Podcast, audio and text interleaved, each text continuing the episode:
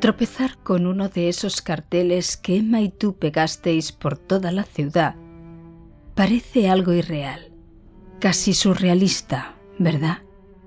Y que aún resista en un muro de las afueras, es tan molesto que intentas hacerlo desaparecer de tu vista. Pero solo consigues rasgar los últimos cuatro números del fijo que ya no tenéis.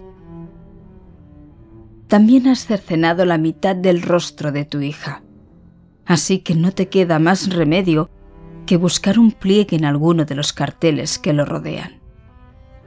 Lo encuentras en una esquina del papel descolorido de un concierto de Jorge Drexler. Y tiras, por supuesto que tiras. Y ahora lo haces con la precisión de la experiencia. Arrastras las esquelas de cotillones, mercadillos de discos de vinilo y circos mundiales, y con ellas lo que quedaba de Sandra quedan al descubierto los restos de otro tiempo.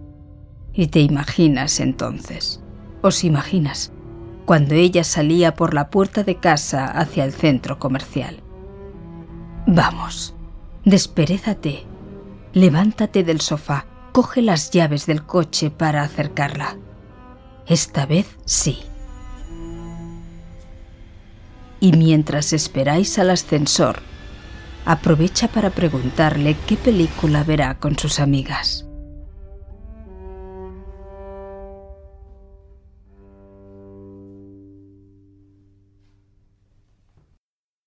Desaparecida de Asier Susaeta.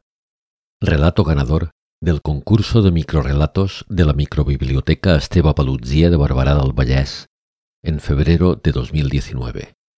Grabación en veu alta.